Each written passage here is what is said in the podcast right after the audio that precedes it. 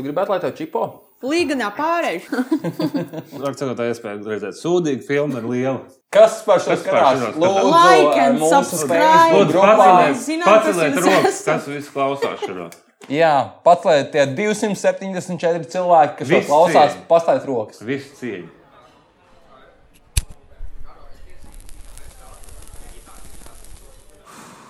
Labvakar, labvakar, labvakar. Mēs esam atkal ieradušies pīpēt uz sarunu sastāvā epizode. Šoreiz mēs esam mazliet netipiskākā laikā un gaisotnē.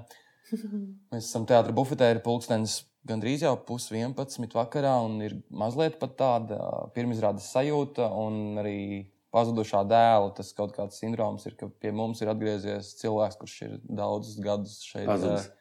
Pa, viņš ir bijis pazudis, un tad viņš ir atgriezies. Zudis cilvēks. Jo Liepāja un Liepājas teātris izsenis ir bijusi talantu kalve Rīgai. Nu, to neviens nenoliedz. Un arī mūsu šī vakara viesis ir bijis jauns un uzlacošs mākslinieks, daudzsološs un daudz arī devušais. Un, un viņš, protams, vienā brīdī pārauga mūsu un saprata, ka viņam vajag lielāku to lauku, ko aptvert. Un viņš devās uz Rīgu. Mūsu šī vakara mā, mā, mā viesis ir video mākslinieks, mīnus astoņi, Andris Vētra.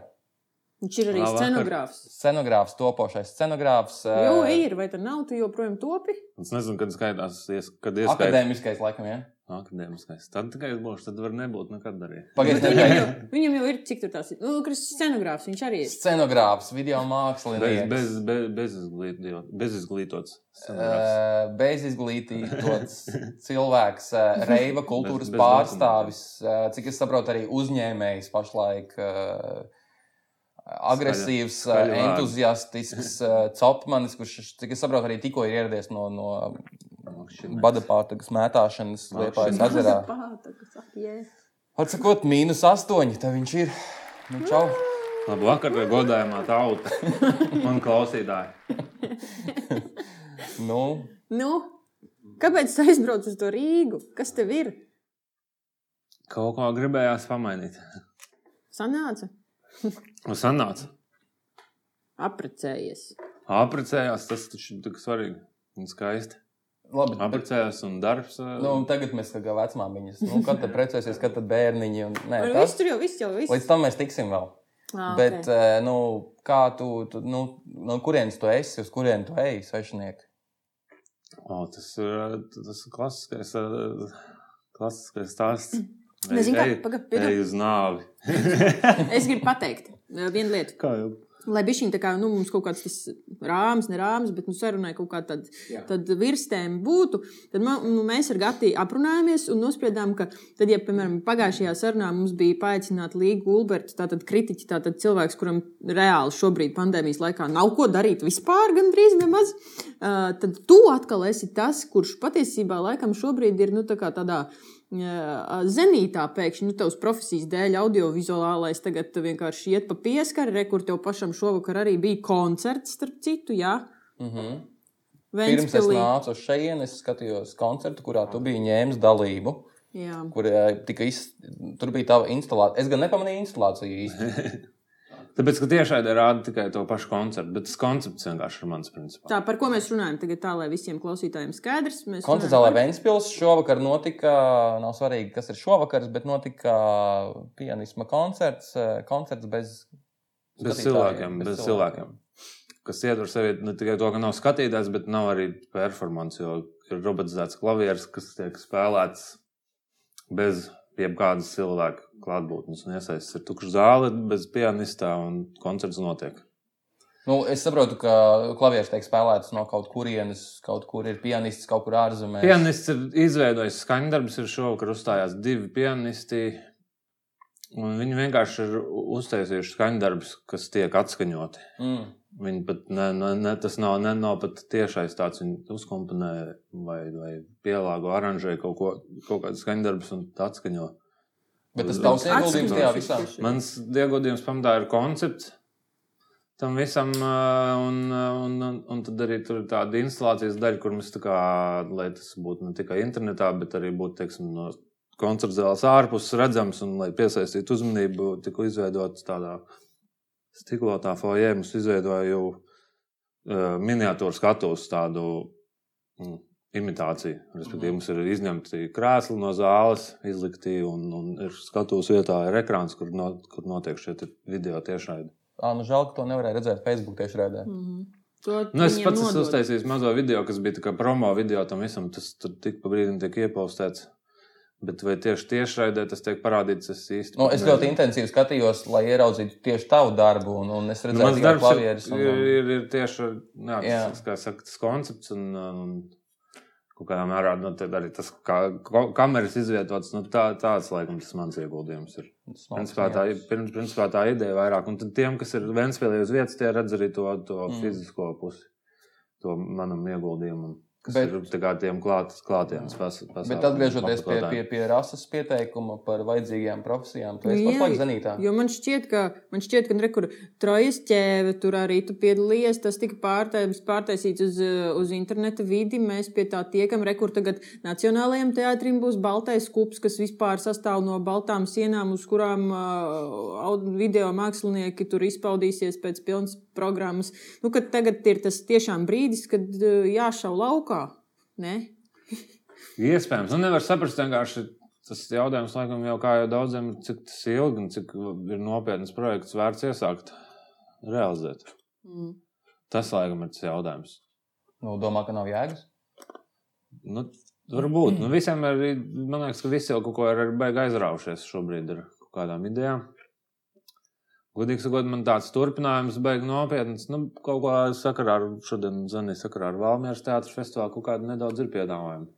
Nu, jā, jo Bet Valmieras tad ir kaut kādas vēl savas idejas vienkārši un kaut kādas pavisam pragmatiskas lietas, kā remonts.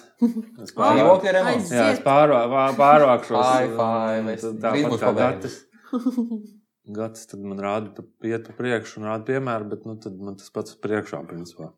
Es Līdz ar to- pateicu, kuru beidz nevajag pirkt. Es lākošu. Es lākošu uzreiz vienkārši miers. Kā teica sl- slavenais repers, labāk grīdas lākotēji. Nu, kas tev vēl ir tagad aktuāls un plānā? Rekur, tev, tu pastāsti, kas tev tas par džemperīt, kas tev uz džempera rakstīts, ko tas vispār nozīmē. Es zinu, to, ka tev ir jāna mājaslapa ļoti skaisti, tikai nu, manā kompī viņi lēni kustās, jo tur baigi, tur visi tie tev tavu navaroti kaut kādu laikam tādu. Nu, viņi nav vi- visātrākā, jā, es vienkārši arī godīgi sakot, viņi principā pats uztaisīju. Kas arī bija Bet ja, kaut, kas, kaut, kas, jā, kaut kas jauns, paldies. Es redzēju testa komentārus, kur bija grupības sarakstītas. Fui. Tas nebija. Tas nebija. Pagaidiet, kā sākam no nulles. Ko nozīmē mīnus 8? Jo es esmu lasījis recenzijas, kurās saka, ka mīnus 8 tas varētu būt arī autobraucējs kaut kāds. Tas šķiet bija kaut kādās ā, lekcijās par ā, lielo burtu izmantošanu. Jā, Latvi- kaut, kā, valo, kaut kāda valodniecības lekcija jā, Jā. bija, un tur par to tika runāts. Nu, tad beidzot pasaki, kas tas ir mīnus 8. Tam ir vairāk slāņu, un viss nestāsta. Es publiski laikam arī nevēlos. Nu, pasaki tos augšējos Bet, slāņus. bet kā tas radās, tas ir par- baigi vienkārši beigi, un to es stāstu oficiālā. Stāst, stāst. Oficiālā versija ir tāda, ka, kad ka vajadzēja, kad es kļuvu par vīdžeju, sanāk kādā otrajā bakalaura kursā. Es domāju, ka viņš tiks klasē. Nē, tiks, nē. Tad vēl dators nebija redzējis. un, var sakot, es kļuvu par vīdžeju, un vajadzēja vienkārši, cik bija noskatīts, cik bija noskatīts no ārzemēm, ka vajadzīgs ir pseidonīms, jeb skatuves vārds. Un uh, mēs vienkārši atvērām fizikas grāmatu 8. klasē, piemēram. tas bija tas, kas tev otrajā kursā pie rokas bija 8. klases fizikas grāmata. Nu, apmēram tā, jā. Tur es fizikā arī esmu pa- palicis, apmēram, godīgi sakot. un mēs atvērām tādu grāmatu. Un par optikas nodaļas, jo vienkārši tas bija vistuvākais ar tēmu, kas mm. ir par, par, par vizuālām lietām, un projektoriem un kamerām un tā tālāk, kur bija par, par optiku un lēcām un tādas lietas, un kaut ko vienkārši izvēlējāmies. Kas Kas bija tas kas tu es un, es un Dēls. Jā. Es un Dēls, kuram vajadzēja otrā pseidonīmu kā vīdžiem, jo DJ pseidonīms laikam neder, neder Bāc, arī tas ir vīdžiem, ja tu gribi būt. Un tad mēs izvēlējāmies, jā, katrs savu. un Viņš bija redzes nervs, un mēs, bija, ā, mēs bijām VJ apvienība, optiometrs. Viņš bija redzes nervs, un es biju mīnus 8, kas ir tad, kad redzes nervs ir pavisam, pavisam laikam, švaks palicis, un viņš knapi redz, un tās vienkārši dioptrijas, mīnus 8. Tas nozīmē, ka bez brillēm tad, laikam, redz tikai krāsaini migliņi. Nu, es tev mēģināšu šodien sagūglēt, uh, ierakstot mīnus 8, atverās uh, Oh, tas pulksteņu brands, mīnus 8, un uh, apģērbu brands, mīnus 8. Nē, īstenībā ieraksts, tā kā es pats izmantoju to pseidonīmu normālos apstākļos, kas ir ar cipariem, tad tu iegūsi pilnīgi nulli rezultāts. Kas liekas, ir. Tas bija tavs mērķis. Kas bija, liekas, nē, tas ir blakus efekts. tas ir blakus efekts vai defekts, grūti pateikt, bet nu, mārketinga komanda katrā ziņā ir uzdevuma augstumos. Un, tiešām ir nulli rezultāti ierakstot Google. Tas Nu, bet nu, pagaidi, ir tad, diezgan kad tu- ekskluzīvi. Tad, kad tu, piemēram, rekur, uh, uztaisīji kaut kādu scenogrāfiju vai kaut ko tādu, tu taču tur tiek ierakstīts kā mīnus astoņi visbiežāk. Vai Vienmēr. Tu vienmēr. Joprojām teā- nav nekā teātris ko ar sagatavot. līgu, Ā, nu, līgums Nē, vienkārši Google ir- nestrādā. Viņi, ne, viņi neņem cipu. Ja tie ir Ah. vienkārši cipars, tad laikam viņi neņem pret. Nu, Wow, esi apčakarējis sistēmu. nu, Jā, tā sanāk. skaisti. Labi. Par komandu runājot, par to Mārtiņu komandu runājot. Man liekas, ka video mākslinieks tā ir tāda vientuļa profesija. Ne? Nu, druskuļi pārāk, tāpēc es kļuvu par scenogrāfu arī. Jā, tāpēc. Tas ir mazāk vienkārši. Kur teātris profesija nav vientuļa? Ak, Es nezinu, kā aktieri mēs visi tur čupājamies kopā. Nu, ja ir liels lomas, tad tu esi vientuļš. Bet, ja Vai ir monoizrāde. Vai, vai monoizrāde. Bet, ja nē, monoizrādē tu esi ļoti tuvu režisoru, un tad jūs esat arī tā kā vienā laivā, man liekas. Tu tagad Nu, labi. ļoti skeptiski skaties, bet ko tu Jā, vispār tev par ir to mono zini? izrāde, un tu esi režisors. Tā tad gan, bet tad tu esi arī multimākslinieks, kā arī tevi diezgan Kurš tad daudz. nav sauc. multimākslinieks Latvijā? Es zinu, ka Bindemans laikam ir. Nu, kurš tad nav? Viss ir multimākslinieks Latvijā. Man liekas, Nu, nu dari, mākslinieki. vai nu visu, vai nu nedari Jā. neko. Man tāds, ies- man tā, es tā dzīvoju tādā pasaulē, ka man liekas, ka visi Latvijā mākslinieki ir multimākslinieki. ir. Bet par to vientulību tavā profesijā. Jā, divu vientulību ir kompu daudz, un tāpēc scenogrāfs, jo tad ir, man patīk, kad ir vairāk tās komunikācijas. Tad vai ar visiem Vairāk ceļiem komunikācijas, un tad tur arī vairāk pārvietojās apkārt, kas ir forši, un, un nesēd tik daudz pie tā kompjutera runāt? Bet, tajā nu, vientulībā. Man liekas, tas ir tāds rīktīgs sava ceļa gājējs. Nu, tu vienmēr izdomā kaut kādu savu fišu, kā dzīvē pieiet. Nu, manuprāt, tu arī ļoti, ļoti tā, nu, varbūt tas banāli skan, bet, eh, nu jā, sava ceļa gājējs. Un ar to visu es gribēju teikt, ka nu, tā scenogrāfija, tad tu. Kāpēc no, scenogra... no, no video mākslas scenogrāfija tā, man liekas, nav tāda baigta, tāda normāla pārēja. Jā, man liekas, tieši normāli. Jo man eh, īstenībā nākamais to tā kā, tā kā priekšnieks, pirmā, pirmā līmeņa boss man ir scenogrāfs, un tad ir režisors. Jo es- vētri es jau- sagaidīju tevi arī kā režisoru kaut kādu. Nu, jā, nu, kaut kā, Tas būtu. Tas Tas būtu interesanti. Tas būtu reāli. Es nezinu, vai teātris, bet, eh, bet kaut kādas jau tādas nu, kaut kāda video rullīša tā jau ir un mini režija. Jā, bet kino iekšā tu netiks. Bet- Tur ir ne, tā protams. kino mafija. Nu, skaidrs arī teātrī. Briesmīgi skarbi. Teica viņš, tāpēc, ka viņam pateica, ka viņam ir seja pārāk specifiska. Jā, Pēc ir. kīnā? Jā. Jā, man saka, kastingos. Ar teātrī dara. Teātrim, nu, trešā plānā jau neviens vairs sevi neredz. Skarbi. Bet, pagaid, tu mm, studēji jauno mediju mākslu, pareizi? Jā, Un, divas eh, reizes. Divas Bet nevis reizes. tā, ka nepabeidz, bet tā, ka eh, pabeidz divreiz. Jā. Un tad pēc tam tu ā, atnāci strādāt uz teātru. Un droši vien no tā, no tā mirkļa, tad, kad tu. Nu, vai tev bija mm, jau kaut kāda nezinu, doma par teātri, kad tu strādā, nu, studēji medijos? Vai tas notika kaut kā vienkārši tāpēc, ka naudu vajadzēja? tu Ā, jā, principā strādāt? Kāds tas notika. Nu. Jā, tieši tā, ka vajadzēja naudu. Nekādas romantikas. Nē, nav romantikas. Man īstenībā nepatīk teātris. Šeit bija aizgājis kaut kad jaunībā, pirmajos pašos kursos.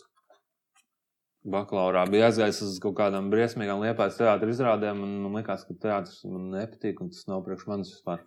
Un tad es sāku strādāt uh, uz puses slodzes šeit, tāpēc, ka vajadzēja naudu. Jā. Mm. Un tāpēc, ka tas bija kaut cik par tēmu. Nu, par to, okay. ko es un daru. Kas jau notika? aplausies. Tu Kas atnāc uz teātru notika? meklēt naudu, kas jau ir Jā. defaultā nepareizi. Nu, nu, jā, nu, kaut kur jāmeklē. Skaidrs, ka tas jau aplausiens sākās tad, kad es izvēlējos, ar ko es mācos. Jā. Tas sol- solis jau bija spērts jau tad, tādā ziņā, ka tur jau vairs nebija. Nu, labi, un tu atnāci uz teātri. Lai pelnītu naudu. Un kas notika? Kur, kurā brīdī tu nu, A, Man palika, in, man palika inčīgi. Pirmkārt, no atkārt, es sapratu, ka, teātris ir līdzīgi kā ar filmām. Nu, ja kā aizēji uz fórumu, cinemās, piemēram, un uz kaut kādu blockbusteru. Nu, respektīvi, to, ko tur pamatā rāda. Vai nu, pilnīgi nejauši nu, tā iespējamība, ka tu ap, apmeklēsi sūdīgu filmu, ir atcīm vispār. Tās var teikt, sūdīga? Var teikt? Jā, to teikt vēl. arī vēl, vēl, vēl atklātāk. Okay, sūd, tad, tad vārds sakot, sūdīgu filmu. Kur mums būs intro? Sūdīgu filmu, un uh, var sakot, tā iespēja redzēt, sūdīga filma ir liela. Jā. Un tas pats jau ir teātris. Nu, respektīvi, sūdīgs šajā gadījumā ir absolūti subjektīvs tā kā, spriedums. Līdz ar to es nemēģinu te teikt, ka tā ir aizsūdīga teātris. Man nepatika, vārdu sakot, un es trāpījos uz dažām izrādēm, kas man nepatīk, kas man likās sūdīgas. Nē, nu, visi viņi mēģināja vairākas reizes. Jā, un tad es domāju, ka tas viss ir sūdīgi, bet tā- jau nav arī, arī filmām. Vienkārši man ir specifiska gauma, lai ir skaidrāks varbūt. Bet uh, es izlasīju vienu interviju ar tevi pirms es nācu šeit, un, uh, un tur arī tu to pašu saki, ka tev teātris iepatikās tajā brīdī, kad tu sāki tvert kontekstu, ka tu biji redzējis kaut ko bišķiņu vairāk un ka tu sāki iebraukt visā Nu, tajā. kad es sāku varēt izvēlēties, pirmkārt jau, jā. Un tu atceries Ko to, skatīties? to kaut kādu pirmo izrādi, kas tev patika? Tu atceries pirmo izrādi, kas tev reāli patika? Nē. Kaut kādā brīdī. Nē, jo es, es atceros, jo uh, es aizgāju uz akadēmiju arī nu, kaut kādiem saviem mistiskiem sapnīšiem par to, kas tas Tu mācīji rakstīt nu, burtus un Jā, man liekas, ka super, super, baigi rakstīšu. Un, uh, un tad es, es gan neatceros, vai tas bija otrais vai trešais kurs, bet es redzēju, Janijā Rīgas teātrī izrāda cēlgāzes, un tas bija kaut kas tik nenormāli labs, man tik nenormāli patika. Un tad nu, no tā brīža kaut kā es sapratu, ka, oh, ok, es gribu šitā, nu, vismaz tajā virzienā. kas tev, mm, kas tev? Man šķiet, ka nav tādas izrādes. un Nākamais, nākamā lieta, ko es gribētu piebilst, ka man pieņemsim, daudz vairāk patīk teātris taisīt nekā skatīties. Bet tā man ir daudzām lietām. Tā tas ir normāli manā gadījumā. Man laikam patīk vairāk darīt, varbūt tas vairāk, vairāk teiksim, arī taisu un daru, nekā varbūt skatos un, un apmeklēju. Laikam tās nav. Bet man liekas, ka teātris ir daudziem. diezgan. Tas ir normāli, Tas jā. ir pilnīgi normāli. Tāpēc, pirmkārt, tas ir. Vienkārši Man tiešām labāk vienmēr patiks, laikam, to teātri taisīt, pat nekā skatīties. Nu, Man ir varbūt arī tāpēc tas tavs skatījums ir kaut kādā ziņā. Nu, es esmu arī subjektīvs pašlaik, bet kaut kādā ziņā viņš svaigāks un neordinārāks. Nu, jā, to man grūti pašam spriest, bet Nē, es tagad spriežu par Jā. tevi. mm. Bet, nu jā, nu jā. Bet, eh, nu, ok. Ticībā viņam var uzdot ļoti līdzīgus jautājumus, kā parasti uzdod aktieriem. Tā, kurš ir tavs režisors, tavuprāt, nu, kur, ar kuru kopā, nezinu, tev tur viss durvis vaļā? Vai nu, kas ir tās kaut kādas mm, saskares punkti, kaut kādi, kas tev palīdz strādāt vieglāk, vai, vai kur tu saproti, ka tu nekad nespēr savu kāju? Vispār tev ir kaut kāds tāds limits, nu, ka tev liekas, ok, to es taču nekad nu, Jā, tas ir principiāls. nu, grūti pateikt. Nē, nu, ir bijuši reizes, kad es kaut ko atsaku, laikam, jā. Kur, Ko? kur arī kā, diezgan izšķirošs moments ir kā, partneri un, partneri, partneri un tas sa- saturs, kas tiek radīts. Bet es laikam nesākšu saukt konkrētus piemērus, bet skaidrs, ka ir bijuši tādas reizes, kad es atsakos, jo man liekas, ka. Tu jau pateici vārdu zudīgi, tu arī vari nosaukt partnerus. Nu, nē, vai vismaz kaut kā apmēram par nu, tā virzienu, plus mīnus. Nu, jā, nevienu ne, neapbežosim šaušalīgi, bet, nu, es nezinu, kas ir kaut kāds. Jo es zinu, nu, ka man, piemēram, ir ļoti grūti, ja man paprasa, ka jāuzraksta ir kaut kas uh, rēcīgs, Aha. un tad es uzreiz palieku, nu, uz pauzes. Jo man principā liekas, ka es neko nu, neprotu no nu, nekā vispār smieklīga. Un tad, ja man vēl pasaka, ka arī forma, kādā, kādā tas būs iestudēts, būs rīktīgi rēcīga, un ja vēl, nu, tā kā vēl muzons būs rīktīgi rēcīgs, un ka viss būs afgāni nenormāli rēcīgi, tad es vispār Tas pazaudēšu. ir Man liekas, kā vispār, ne? jā, un tad, nu, es labāk ieeju sienā vienkārši iekšā. Bet kurš tā vispār taisa? Nu, uztaisīsim rēcīgi. Nu, ir. tas, man liekas, uzreiz liecina par kaut kādu kvalitātes trūkumu. Mm. Tā Kā, nu, tas ir viens no kaut kādiem tādiem jā, ahtung, ahtung signāliem, ka tur nevajag līst iekšā. Jā, ko, ko, kas, ir, kas ir tavi sarkanie karogi, kad uztaisīsim, lai krāsaini, vai, vai uztaisīsim, lai viņš žibinās? Neonu. Es tāpat neesmu formulējis, tas drīzāk intuitīvi kopā sanāk. Aspekti kaut kādi. Bet, bet tu esi kaut kur strādājis, tu esi taisījis. Uh, Bet es arī godīgi pateikšu, ka tas arī lielā mērā atkarīgs no tā, cik ļoti man tajā brīdī ir ko darīt. Naudu vajag. Ja? Nu, tur tā lieta, Nu, kuram tādā nevajag? ziņā diezgan arī pragmatiski. Tam, nu, cik nu, tu vispār, tu esot mākslinieks, var runāt par kaut kādu pragmatismu, bet, bet zināmā mērā tomēr tas ir izšķirošs. jā, Ja tajā brīdī, ja tajā brīdī nav ko darīt, tad, tad, tad, tad tu arī Bet tu man esi taisi- radījis par sevi iespēju kā par cilvēku, kurš ir diezgan principiāls un principiāli iet to ceļu, ko viņš ir izdomājis. Nu, Nu, man par laimi ir bijusi tāda iespēja, varbūt. Tev neliekas, ka tas ir tevs paša nopelns. Nu, daļai ka, ja tu noteikti. pietiekami ilgi turies pie saviem principiem, tad vienā brīdī tev sāk uzrunāt, ka ah, tas ir mīnus astoņi, un viņš strādā Tad tā, kā viņš grib. Tāpēc, ka tā nav darba, kā arī bijis. Iespējams. jā. Un tādos brīžos, ko tu dari? Tu uztaisīji savu Tādos uzņēmumu. brīžos es domāju, ko darīt. Jā, pieņemsim, uztaisīt jā, uzņēmumu. Tev ir uzņēmums tagad. Es, man ir daļa uzņēmumā. Kad Nu, daļa uzņēmumā. Mazāk. Moderni to sauc par startup, bet mūsu gadījumā tas varbūt ir skaļš vārds. Ko jūs darat? Kas tas īsti ir? Mēs esam online veikals, tirgojam velospēdus un um, ir plāns par dzīves stilu un par dēļiem un par dažām dažādām lietām. bet Ko nozīmē dzīves stils? Drēbes? Nu, principā, jā, ka tas ir kaut kāds, ja tu tirgo velospēdus, tad tu piedāvā kaut kādu kopumu ar, ar apģērbiem, accessoriem un visu kaut ko, kas tieši ir vairāk velosipēdistiem paredzēts. Vai mūsu gadījumā tas ir kaut kādi cilvēki, kas Pilsētniekiem. pilsētnieki, jā, pirmkārt, kas aktīvi.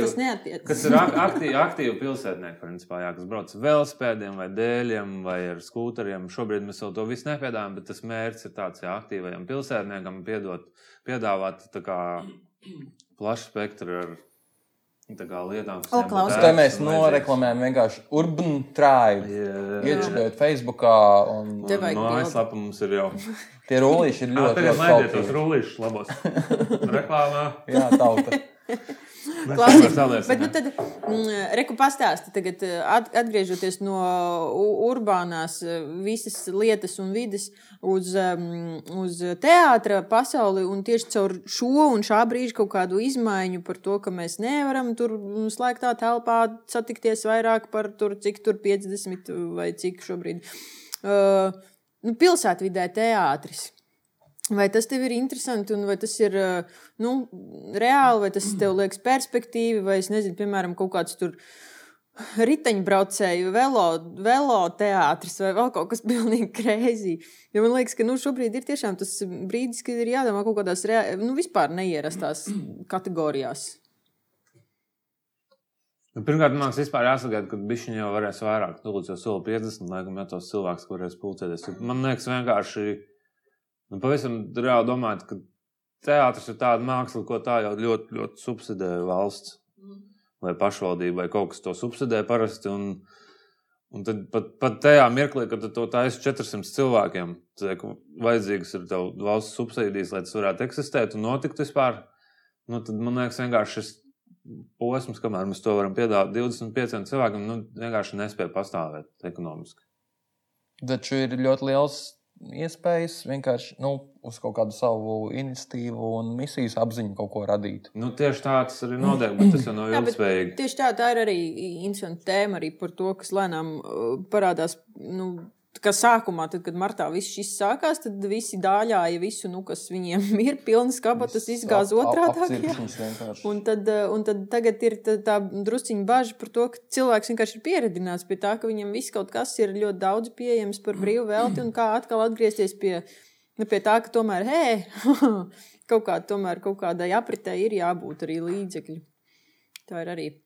Nu, to, jā, protams, ir ļoti grūti. Grūti, grūti var piedāvāt konkurētspējīgu cenu internetā, kur lietas tomēr ir relatīvi lētākas savumērā. Mm. Vai, Vai, vai, vai a- a- tā kā Austrum Eiropā pavelti bieži vien tās lietas tur ir. Labi, Eh, iebrauksim tagad tad tajā šajā ten visā. Nu, kā tev, piemēram, ar eh, to trojas ķēvi, tu zini kaut ko plus mīnus, kādi jums bija skatījumi, un vai tas vispār atmaksājās? Es zinu, cik bija skatījumi. Tāpēc, ka jūs izmantojat kaut kādu interesantu fišu, jums bija Facebook grupa, kurā Nu jā, notika pati tiešraide. un Tāpēc tie, kas skatījās straujas ķēvi, redzēja pārējos, kas skatījās straujas ķēvi. Tur bija Bet Otrajā arī, izrādē bija arī 60 YouTube. Man, cilvēki. man šķiet, arī YouTube atsevišķi gāja. Nebija visi tikai tiem, kas Facebookā. Bet, nu, var sakot, jā, kaut kādu kopā, es domāju, principā. Grūti jau pateikt, ka cik daudz cilvēku bija. Tāpēc, Nu, no, protams, pārsvarā pie neskatās, neskatās jā, jā. tur bija pa vienam. Bet Jā. jā. kopumā, teiksim, tāds laikam, jā, kādi tās biļetes, ko viņi tur notirgoja, laikam bija kādas simts vai vairāk. bišķiņ. Uz katru Pa divām, izrādi. pa divām izrādēm. kopā. Bet tas, nu, tas atmaksājas, vai tas ir pilnīgi tā kā nu, arī labdarība vienkārši? Ar... Nu, te jau Kādā nedaudz mērā? cits stāvoklis ir, jo mums tas bija gatavs darbs, ko mēs vienkārši varam nedaudz pielāgot un parādīt. Ja tas būtu jāizstrādā no nulles, tad nav vispār variantu. Tad Nu, nav man, vispār man, variantu. es, mē- es, es noskatījos, un arī Rasa noskatījās. Mm. Mums bija grūti, jo mēs redzējām, ka tas ir pielāgots darbs, un mēs kaut mm. kā līdz galam baigi nepavilkāmies. Bet, eh, nu, jā, par to pielāgošanu. Jo nu, par to pielāgošanu, un arī par to, ka nu, es, piemēram, esmu arī sev sapratusi, ka man šausmīgi traucē tomēr tas, ka es eh, skatos kaut kādu izrādi, bet man ir iespēja piespiest pauzi. Vai arī man, man... jā, man ir iespēja kaut kā kontrolēt to visu. Tas, tā ir tā lielākā atšķirība, ka tu aizēji uz to teātri, tu esi slēgtā telpā, un tev ir kauns pat uz to aiziet, ja tev nenormāli vajag. Un 1984, piemēram, es sēdēju tās divas stundas vienkārši lilā krāsā jau beigās. liekas, pirmā reize, kad es skatījos. instants. nu, lūk. Bet, uh, jā, kaut kā, kaut kā ir tā grūti nokoncentrēties to. Pat ja tas laiks ir neilgs, jo jums jau tas gabals nemaz nebija tik garš. Nu, Jā, bet man liekas, pie ekrāna vispār ir grūti nokoncentrēties. Ne, ilgstoši. jā, jo Nu, mēs esam arī pieraduši tur kaut ko klikšķināt vēl Nu, paralēli. ar Netflix ir vieglāk, protams, viņš tev ievelk, bet, bet pieslēgties kaut, kādam, kaut kādai kultūras patērēšanai, protams, ir grūtāk. Bet tad, kad tu noliec savu datoru uz vēdera un ir, eh, un ir jau tumšs un blakus guļ draudzene, ko nevajadzētu pamodināt, nu, tad tev ir vienīgais, uz ko tu koncentrējies, ir tas ekrāns. Tad nav tik traki, bet vispār jā, ir grūtāk. Jā, jārāda vēlāk, principā, būtu tās Jā, jā, jā, te mēs izrādes, to- naktas izrādes. laist, jā. Tā kā, tā kā NHL, ka jāskatās pa nakti. Nē, es runāju ar, ar vienu savu draugu, un, un mēs arī eh, pārunājām visus šos online pasākumus. Un tas, pie kā mēs nonācām, ka vajadzētu tam visam būt uh, interaktīvam. Nu, ka, ja tu esi pie tā datora un tev ir tā pēle un, un taustiņa, tad vajadzētu. Ir eh, nu, Netflixā ir tā viena Black Mirror sērija, Bandersnatch, kas ir interaktīva, kur tu izvēlējies kādus brokastu pārslas ēdīs tas varonis. Un, ka viņš mm, vienkārši dod laiku izvēlēties, nospēj to vai mm. to. Un, eh, un tā sērija iet kaut kādu tur. Nezinu, stundu, bet uh, visi, ja tu izmanto pilnīgi visus, izspēlē pilnīgi visus variantus, tad skaties kaut kādas 5, 6 stundas, un, un tie scenāriji pavēršas pilnīgi dažādi tai vienai seriāla sērijai. Un man liekas, ka, ka, ka tas varētu būt ļoti, Es- ļoti inčīgi. Kad, ak- kad tu vari spiest to, ko aktieris dara, un, un tu viņam pasaki, ko aktierim jādara. Un tas Es- uzreiz pārnes to citā levelī. Es noskatījos uh, perforācijas to zelta zirgu antiņu. Mm. -hmm. Paldies par ielūgumu. Es dabūju ielūgumu. Es jūtos kā svarīgs cilvēks, nenormāli. Kā liekais sajūties. Nē, Nē, protams, Nē. nē. Bet, bet tas bija uh, foršs uh, gabaliņš, jo uh, viņš tieši piedāvā to, ka nu, tu esi tajā zumā klātienē, nosacīti, bet tomēr klātienē, un ka tā ir izrāda bērniem. Kas ir reāli paudze, kas ir pieraduši pie ekrāniem daudz vairāk nekā mēs pat. Un, uh, un uh, viņi brīvi varēja komunicēt noteiktos brīžos ar to aktieru un galveno varoni un kaut kā izteikt savu viedokli par to, vai Antiņš uzjās kalnā un kāpēc viņam neizdodas tas ar pirmo reizi, vai kādam ir atbildes un tā tālāk. Un kā, pirmkārt, tie bērni bija pietiekami gatavi iesaistīties tajā visā. Tas nozīmē, ka viņi tiešām sekoja tam līdzi. Nu, viņi ir drošā vidē mājās, pie ekrāniem. Un, jā. Un kaut kā. Un, un, Un arī aktieris ir drošā vidē, jo tad, kad mēs spēlējam bērnu izrādes, vienmēr ir tas risks, ka, nu, ja tu sāc komunicēt ar, ar, ar, ar pilnu zāli, ar 450 bērniem, tad aiziet tāds roka koncerts brīžiem, kad tu nespēji vairs mm. to, to pūli savaldīt. Jā, jā. Un, un, nu, tad dators un ekrāns ir, man liekas, ļoti, ļoti tāda. Mm, jo vieta, tur arī tas administrators viņš var kontrolēt, nu, ka viņš tur tas, visu bet tas pārējo. ir gal galā nav jautājums par to, ka tur neskatās 400 cilvēku. Ja tikko to piedalīs, piedalīties mēģinās 400 bērnu, tad nebūs tieši tas pats rezultāts. Varbūt, bet, nu, zin kā, tas Bet ir. Dators tad sniedz to iespēju to kontrolēt. Visu, Jā, kādā ne, ziņā. interaktivitāte ir interesanta tēma. un Tas Tu- Benders arī nav nekāds jaunums. Tādā ziņā tas interaktīvais kino ir jau, nu, jau gadu desmitus vecs Ā, jā? koncepts. Tas nav Kā viņš strādā interaktīvas kino? Nu, tieši tā, ka eh, kaut ko elementāru ielikt spogus tev krēslā un tu balso. Nu, tas ir tieši tas ļoti primitīvi tehnoloģiski. Ir. Ah, nu, tad, kad tā- es tas ir- mēs vienkārši mind blown. Es Man biju- likās, wow, kā kaut kas tāds. jā, es vienkārši biju workshopā jau skolas gados, piedalījos uh, tieši interaktīvā.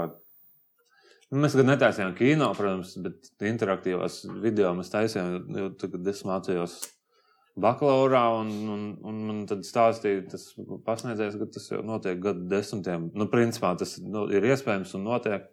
Ja, nu, Tad, arī, arī, un tas, ka tas nav mainstream, man liekas, norāda to, ka ne jau, ne jau tā tehnoloģiskā barjera ir bijusi tas, kas ir Bet vai pašlaik izšķirošs tam nevajadzētu kļūt par mainstream, kad tas, kad, kad tas prasās? Nu, tas ir jautājums, vai, vai Kad vai ir grūti noturēt uzmanību uz ekrāna, bet tā, ja tev iedod tās superspējas, ka tu vari kontrolēt to, kas notiek uz ekrāna, tad tev paliek uzreiz ļoti interesanti. Bet tad tev vajag individuāli pieeja, kas, nav, kas ir iespējama ar, ar, ar Netflix, bet nav iespējama skatoties teātrī. Nu, tad mēs pieslēdzamies nezinu, no video māksliniekiem un IT džekiem, kas, kas to var kaut kā Ja tas, tas būs Tur kaut kāds baisot. cilvēku balsojums, kas izvēlās, ko tu darīsi tālāk. Nu, tas ir tehnoloģisks nianses. Bet, ja daudz, Bet tas tāpat ir. Nu, tā tas, pazūd. tas uzreiz tev liek ā, mobilizēties un skatīties to izrādi. Nedaudz, jā. Ka Ne, tu nu, to mazliet kaut ko ietekmē. Vajag mēģināt, tur, kur cik saprotu, notiek jau mēģinājumi, tie ir veiksmīgi. Ja? Jā, vismaz kaut kādā, kaut kādā mērā, jā, jo tas bija arī tāds foršs. Nu, tur nebija pretenzijas arī uz kaut kādu turbo augsto pārgudro mākslu. Tur reāli čalis savās mājās no visa, kas viņam par rokai izspēlēja antiņu. Tas bija forši. liekas, Nu, es nostājos bērniem- sižetu, tur, protams, viss bija sagatavots. Nu, viņš Jā, viņam viss ir par rokai. Jā, tas nav tā, ka viņš ir mājās un izdomās Nē, nē, tur izrādi. ir normāli bijusi režija, normāli ir sagatavotas arī gaismas vajadzīgās vietās un viss pārējais. Un tas rada tādu foršu atmosfēru. Es domāju, ka pēc tam droši vien kaut kādi mazie cilvēki, kur to ir redzējuši mājās, sagrauj visu. Bet, nu, radošu mērķu vārdā. Tā kā tas bija, tas bija kaut kas tāds. Mm, Ja, nu, pirms kaut kādiem pasmit gadiem jau arī Baņu Trubes, man liekas, tā bija Baņu Trubes, man liekas, kas iestudēja Hotel Kristīna. Mhm. Un tur bija iespēja balsot izrādes beigās par to, vai Kristīnai vajadzētu iet pie akmentiņa vai, vai palikt pie Edgara. Un... Oh, es tagad negribu samalot, bet man liekas, ka tur 99% gadījumu vienkārši tika nobalsots par vienu variantu, un otrs variants nekad netika izspēlēts. Bet, nu, inčīgi. man Nu, man, man viena no spilgtākajām arī teātris pieredzēm bija Smedz izrāde, bija atbraukusi uz uh, Rīgu uh, no Igaunijas, un viņiem bija uh, izrāde Karmāzovi, brāļi Karmāzovi. Man liekas, ka, jā, jā.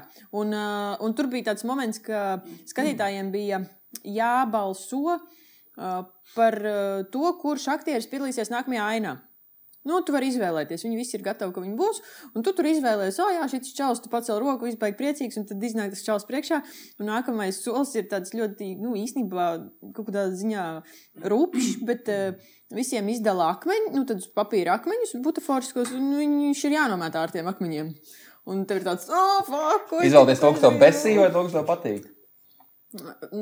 Es neatceros, vairāk tas bija tiešām pirms kaut kādiem gadiem, desmit, ne vairāk. Bet eh, nu, kaut kāda motivācija bija starp to, kuru tu izvēlējies no tiem, no tiem diviem ceļiem. Un tad, eh, un tad bija ļoti uh, jocīgi tā sajūta par to, ka tu tikko esi izdarījis izvēli. Un tas vēl arī sasaucās ar to kontekstu visu un, un to.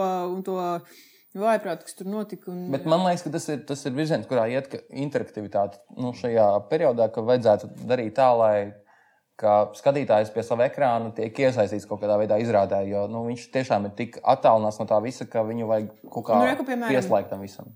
Bet tur arī ir jāizdomā kaut kāds cīņšīgs veids, kā to darīt. Piemēram, tajā pašā mm, Taņas dzimšanas dienā tur it kā tiek iesaistīts tas skatītājs, bet viņš reāli ne, nu, neuzķer to mirkli, kad viņam pēkšņi jāpaliek aktīvam. Mm. Viņš vienkārši ir pa visu ekrānu un skatās tajā kamerā. Nu, nedara. tad problēma ir tajā, ka tas vienkārši nav atrisināts. apjūts. jā. Bet tajā izrādē bija ļoti dzīves un aktīvs čats, jo tur ir nu, atvērta opcija, ka tu drīkst arī paralēli rakstīt. Tas ir pieļauts. Ak, Tur notiek tā, tas, nu, um, tā diskusija. Un, protams, ir tie cilvēki, kuri tur ir ar anonīmiem vārdiem, kaut kādiem un izslēgtām webkamerām, un tad tur gāja vaļā. Mm. Jo tā ir par nacionālajiem jautājumiem kā- izrādē. jā, jā, jā, jā, Okay. jā. Labi, labi, Tā kā labi. Delfi Jā, nobāla. tieši, tā, man liekas, tas. tas... Nē, nu, šī ir sestā mūsu epizode. Mēs visās piecās esam pieminējuši vienaldzības gadsimtu. Es pieminēšu arī šajā. Aiziet. Tā ir tradīcija. Tu redzēji vai nē? Es nepagūnu. Nu, jā, no Rīgas jau grūti atbraukt. Es nepagāju, vajag daudz parādīt, man liekas. Nu, Nu, mēs arī. pagavām. Īstenībā nemaz nebija tik daudz. Kad septiņas, astoņas liekas nospēlējām. To tu labāk zini. Jā. citreiz. Jā. Uh, bet uh, mēs arī sākumā, nu, mums tur bija ļoti aktīvs uh, tas galda process, kurā mēs runājam par to, ka, nu, ja iz, izrāde ir pārnest uz online vidi, vēl pirms visa šī, kas te notiek pašlaik, un, un mēs runājam par to. Arī par jautājumiem, ka tevi izsako un, un, un ka tevi kontrolē. Mums bija tāda doma, ka mēs varētu, nu, mēs, mēs varam izvilkt no biļešu paradīzes kaut kādiem kontiem, tur uh, telefona numurus, un mēs apmēram zinām, kur kurš sēž. Tad mums bija doma, ka mēs varētu teiksim, vērsties pie skatītājiem un teikt, ka tu uh, līga trešajā rindā, kuras numurs ir tāds un tāds, un mēs viņu varētu kaut kā. Jā, jo tā datu aizsardzība arī ļoti aktuāla un bezgalīga. Un tas būtu interesanti. Vai arī, piemēram, tu vienkārši sēdi zālē pilnā un tev atnāk īziņa ar visiem pārējiem 150 cilvēkiem, kas sēž tur pat tev riņķī apkārt. Jo kāds vienmēr paskatīsies, kad novibrēs tas telefons. Mm, tu pamanīsi, ka Bet nu, mēs to visu atmetām, jo GDPR un, un, un vienkārši taisījām izrādi. Bet, bet tas ir inčīgi, visas, visas tās fiškas. Nu, tu gribētu, lai tev čipo? Līganā pārējuši tā bija. tā kā Es, alkoholu, alkoholu, pret alkoholu. Nē, nē, lai tev, lai tev atvieglotu es dzīvi. tikai un lai tev- domāju par to, ja mums būs jaunā zāle, varbūt tur mums arī būs kaut kāda šķietena. Iespēja čipot. Jā, teikšu, ne? Es šodien nosēju podkāstu ar, ar vienu latviešu reperi, un, kur viņi lieto alkoholu. un Tur bija runa par, par, par čipošanu un čipēšanu. Prusaku. Tas saistīts. Jā, ar prusaku. Pirmais līgā. Un, un, un viņš tur par to runāja, jā, ka Tele2 kaut kādiem tur igauņu. Igauni kaut kādos birojos jau esot čipi rokās, lai viņiem nebūtu jānesa tās tīzlās tie beidžiki. Un, ka viņiem vienkārši iešauj čip, čipus rokā, lai viņi varētu vienkārši ātrāk tikt no telpas uz telpu. Viņš ir biedē, tev atsauc uz šādu avotu. Es arī. Es. Nu, patērēju visā, vis, visādi grūti, man grūti pieslēgt šim jautājumam nopietni automātiski. Bet Tagad aizmirst un pieslēdzas automātiski. Nē, es esmu dzirdējis to, ka Zviedrijā kaut kur, nu, Es arī mazliet, ka Ķīnā varbūt, bet kaut kā vēl Eiropā, nu varbūt. Nu, Bet man pārsteidz tas, ka Rasa Buļbuļsūta šī eh, nu, nopelniem bagātā dramaturga arī skatās uh, podkāstu ar dzeršanu un reperiem. Jā, Šausmas. Mēs visi esam Kaut kā jāsako līdzi tiem jauniem cilvēkiem, jāsako līdzi. Nu, tādā ko tam. Nu, var jau izvēlēties, nav jau viens tikai. Nē, mēs uh, iegūlējām pirms šī Mēs jau ieraksta. neskatāmies tikai vienu. Mēs pirms šī ierakstā kopā ar Andriu jau Rasa kā parasti kavējamies iegūlējām uh, best podkāstu questions. Jo, nu, satraukums un tā. Un, tāpēc es līgani pārējais to, kādas ir pēdējās trīs grāmatas, ko tu esi lasījis, Andri? Tas bija viens no šiem jautājumiem. Es nezinu, vai tas wow. ir labs jautājums. Tas ir labs jautājums. Viņas jābūt, pa, ja man viņas jāizlasa, arī, vai tikai pietiekami viņas lasīja. Ja jautājums ir, kādas ir pēdējās trīs grāmatas, ko tu esi lasījis, tad es pieļauju, ka tev viņas būtu jāizlasa. Jā. Nu, var jau arī sākt un nepabeigt. Nu, Jā, ir es tāds vairākas grāmatas. pat iesāku un kaut kā neesmu pabeidzis nevienu no viņām. Nu, Nu, Es to, to klasisko bestselleru, ko visu Latviju lasu, tagad Homo sapiens sāk lasīt. okay. Vārds tiešām tā grib. To es viņu lasīju. Nē, bet man sānt lasīja. Es tiešām vienkārši visās malās visu viņu lasu. Jā, viņi visu lasa, un cool. tāpēc arī lasu, un ir interesanti. Bet Es eh, hohmu sāku lasīt. To es gribu. vēl neesmu izlasījis. Tad es man vēl iedeva, nu, ne pat grāmatu, sieva iedeva par. Pats viņam ir. Es nezinu, kā viņi sauc. Jā, Nē, tas tik forši. Es, ne, es nezinu, kā viņi sauc, tagad no galvas nepateikšu precīzi, bet tēma par to, kā, kāpēc mākslinieki nespēja nopelnīt naudu. Var sakot, tad tāda ļoti tematiska grāmata. Pašpalīdzības. Tas tik Pašpalīdzības Tā māksliniekiem. Tā Mājās. mājiens no sienas. mājās, jā. Nu, starp citu, man tad darbā, tā ka šī iedeva, grāmata viņa bija. meta tev ar to grāmatu. Un Trešā. Un trešā. Ko vēl esmu iesācis tagad? Ah, Māronrāls grāmatas. Nopirku Māronrāls grāmatu, iesāku Māronrāls grāmatu. Tur gan ir ļoti daudz biežu, kas ir pozitīvi. Manā gadījumā. Nu, tu esi vizuāls cilvēks. Jā, nu, tas patīk, bet tāpat es viņus iesācu, bet neesmu pabeidzis. Labi, jā, vēl viena līga pārējai. Kas ir tavs lielākā neveiksme šajā gadā, kur tu esi visvairāk aplausies? Nu, tā kā vēl bez, bez, gadā šis, diž, obligāti? diž, bez neskaitot šo dižu ķibeli. Tā kā Nu, es neskaitot, domāju, ka tā nav ta, nu, tā kā tava vaina. Tā ka neskaitot. Šis ir ir noticis. sačakarējis. Jā, ko tu esi tu nožēlo? 2020. vai gadu garumā? Nu, ņem gadu. Mēs Wow. jau tā dīvainā tauta, kas skaita kā skolēni vēl gadu. No septembra. No septembra. Baigi, neko, man liekas, nepagūs atšķirēt. Baigi, nekas nepagūs arī notikt. Man šķiet, nē, nav, nav, nav tāda baigā failera. Vispār, tev vispār tev ir kaut kaut, tāda. kaut kādas tur ķibels uzņēmumā, varbūt tas uzņēmums ir grūts, tāds sākums ļoti daudz ķibels uzņēmumā, teiksim tā, jo tas ir kaut kas jauns. Un kā māksliniekam uzņēmē Tu darbību. esi pirmais uzņēmējs, kas ir šajā podkāstā. Ir, varēsim kultūras liekēži vienkārši. Uzņēmēji. komerciālais, viss tā vidi, nu, tur, tur, tur var būt visādas ķibels netrūks, teiksim tā. Tas ir kaut kas jauns un kaut kas, eh, ar ko neiet viegli. Tāpēc lasu grāmatas tagad, kā māksliniekiem būt arī uzņēmējiem reizē.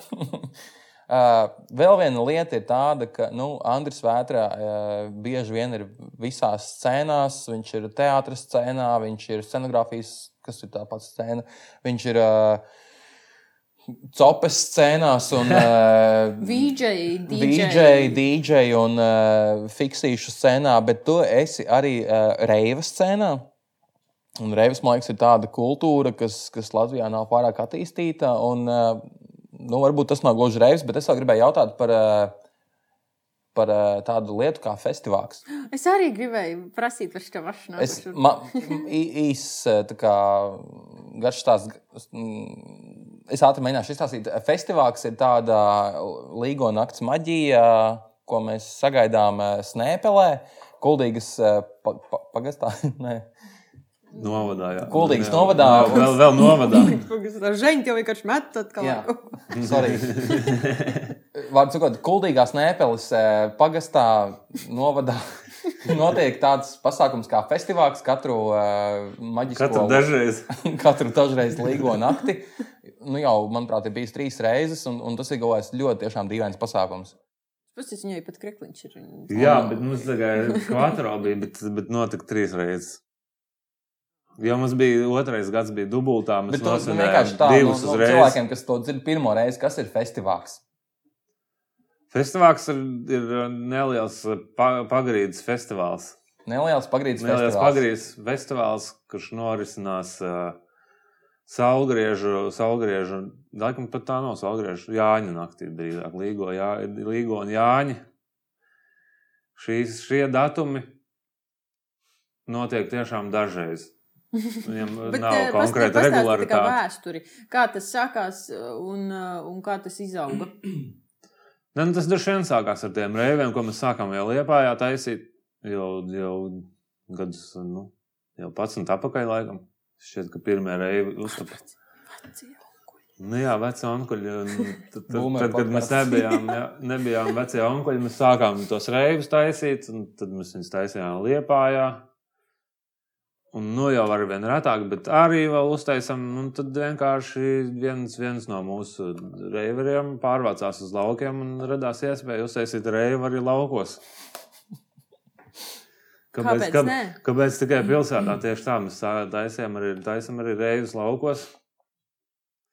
Un varbūt arī nedaudz izplūdām žanriski, protams. Nu, es esmu bijis divos Nevarētu festivālos. teikt, ka, nevarētu teikt, ka festivāli ir reivi tīrā formā. Nu, tas Bet ir kaut kas grūti izpildīts. aprakstāms. Tas ir brīvdomātāji, jā, pagrīdes festivāls. Jo pirmajā gadā bija maz cilvēku, bet otrajā un trešajā gadā jau bija tāds nopietns, nu, trīs ciparu skaitlis, man liekas. Un, un tas, kas tur notika, man likās, nu, tas nav tas, ko es novēlu katram. Bet ko vajadzētu piedzīvot katram? Nu, ka katram vajadzētu būt šādā festivālā. Nu, nu, tiešām grūti aprakstīt, kas tas ir. Man šķiet, ka nosaukums izsaka ļoti daudz. Jā, ko jau. jā. Nu, tā kā ļoti labs nosaukums, viss cieņa. Jā, nu, tas tāds Šogad laika, pa, lab, labi laika Man papišanas. šogad nemaz nedrīkst, šogad nemaz nedrīkst teikt, vai būs. Andris mūsu- pateica vārdu papišana. Mūsu dev... ne, nu, tā, tāda mūsu tā devīze ir papis laiks. Kvalitatīvu papišanu. Kvalitatīva papis laiks festivālā. Jā, Tas viss ir ir laip, šogad laikam nebūs. Nu, šogad izsāks, ka nebūs. Nu, re, kur dēls taisa būvē robotus. Ja viņš uzbūvēs tos robotus līdz festivālam, tad būs arī festivāls. Noteikti. Ja būs tie roboti gatavi, simt punkti. Tā ir viena laba lieta, kas ir notikusi ar civilizāciju. Dēls ir sapratis, ka roboti ir nākotne.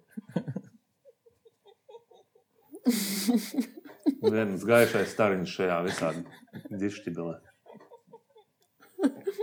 Laiks pauzes. Reklāma. Piespiešam pauzi.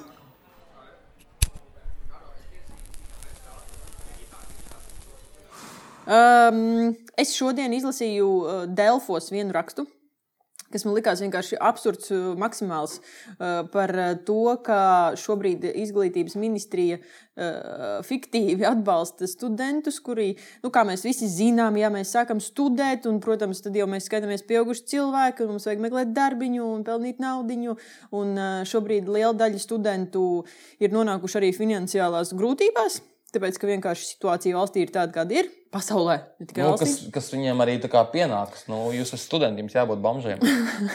Jā, bet uh, tur bija tā baigi interesanti, uh, ka uh, izglītības ministrija bija teikusi, ka viņi piekrīt diskusijai, bet beigu finālā izrādījās, ka tā nav diskusija, bet tas ir kā uh, paneļa vakars, kur viņi ir izvēlējušies konkrēts jautājums, uz kuriem atbildēt, un tad viņi vēl iesaka, uh, kā meklēt pirmo darbu, un ka vispār uh, palīdzīgas rokas startupos vienmēr ir vajadzīgas, un tā tālāk. Un tā joprojām man izlasot to rakstu, likās, ka tas vienkārši ir tāds nu, kaut kāds brutāls pliķis mm, sejā.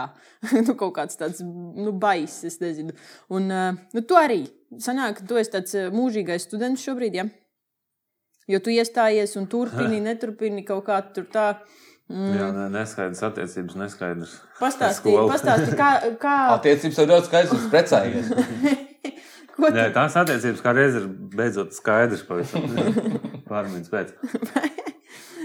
kā, kā, nu, jā, kā tev, kā jums liekas vispār, piemēram, nu, es arī padomāju tagad par kaut kādiem eh, mākslas studentiem. Nu, ja viņi, piemēram, studiju laikā tagad sāk tērēt savu laiku eh, tam, ka viņi strādā tur visur, kur vien var, eh, maksimās, rimčikos, eh, kā, kā visi pārējie. Nu, reāli kāda tad mums ir tā perspektīva uz priekšu, vai, vai jo eh, no studentu tās apvienības.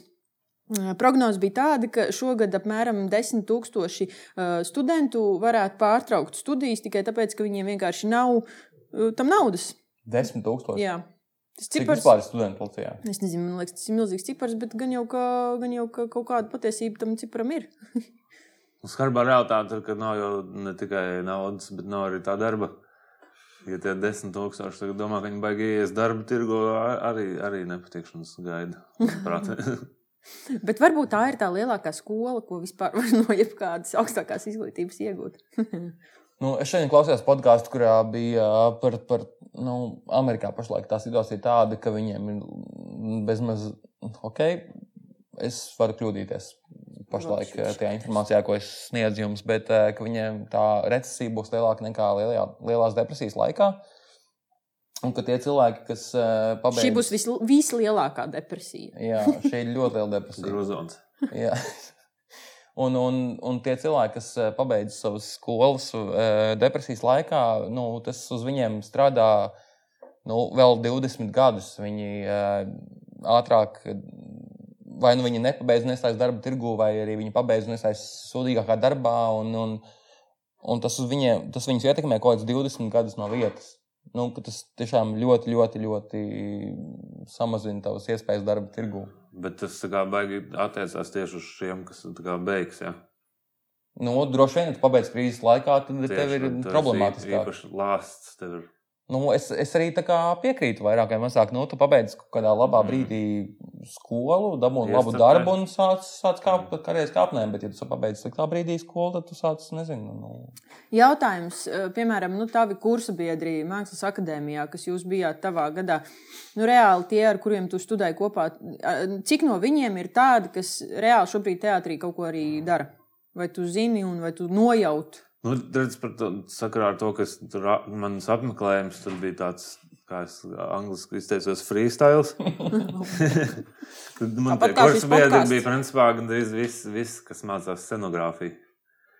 Un cik no viņiem tiešām to dara. Man grūti spriest arī, vai jo scenogrāfija laikam šī plašāks lauciņš. Tas nav tikai teātris, manuprāt. Lai gan mācās pamatā teātris, bet man šķiet, ka scenogrāfs jau nu, var drusku kaut kādas citas lietas, arī kino noteikti, kuras mazāk pārzina šos māksliniekus, kas, kas strādā kino kā scenogrāfi. Jo pauzē mēs kaut kur, runājām mēs drusciņi par Caurmērā man liekas, ka nezinu, tiešām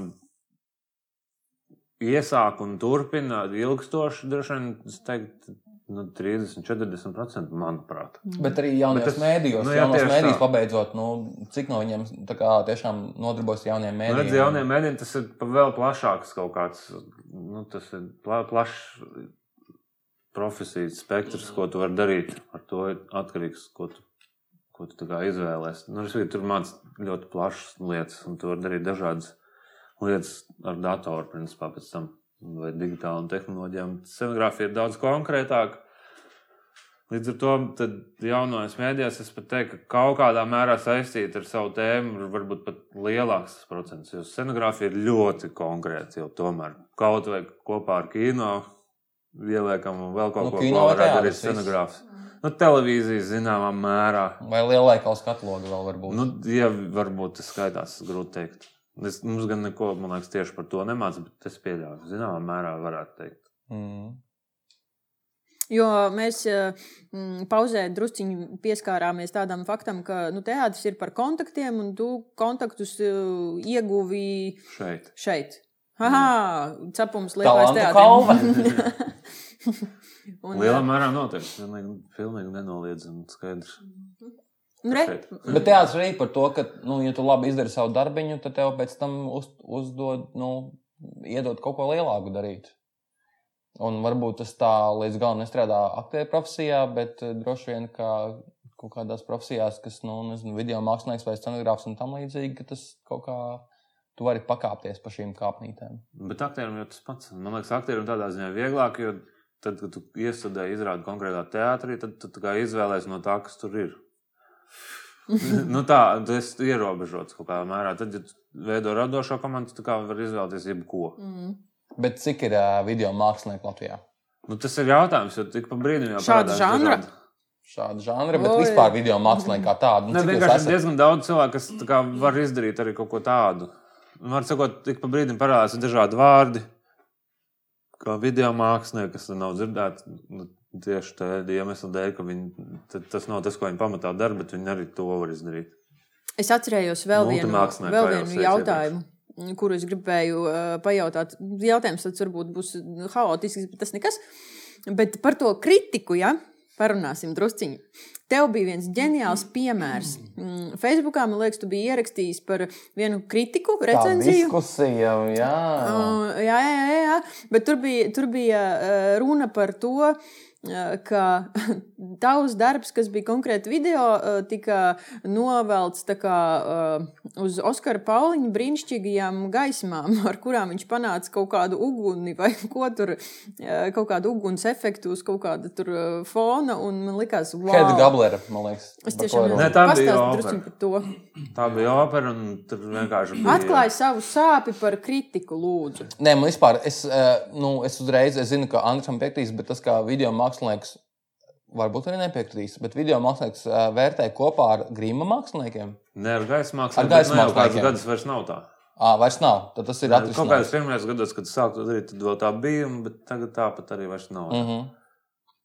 Bet, bet pastāstīji, nu, ko tu domā par teātrus kritiku? Mums gal galā pagājušajā Tā ir aktuāla tēma jā, joprojām. pagājušajā mm, sērijā sākās uh, šī Sveiciens tēma. Ligai Ulbertei. Jā, un visiem pārējiem.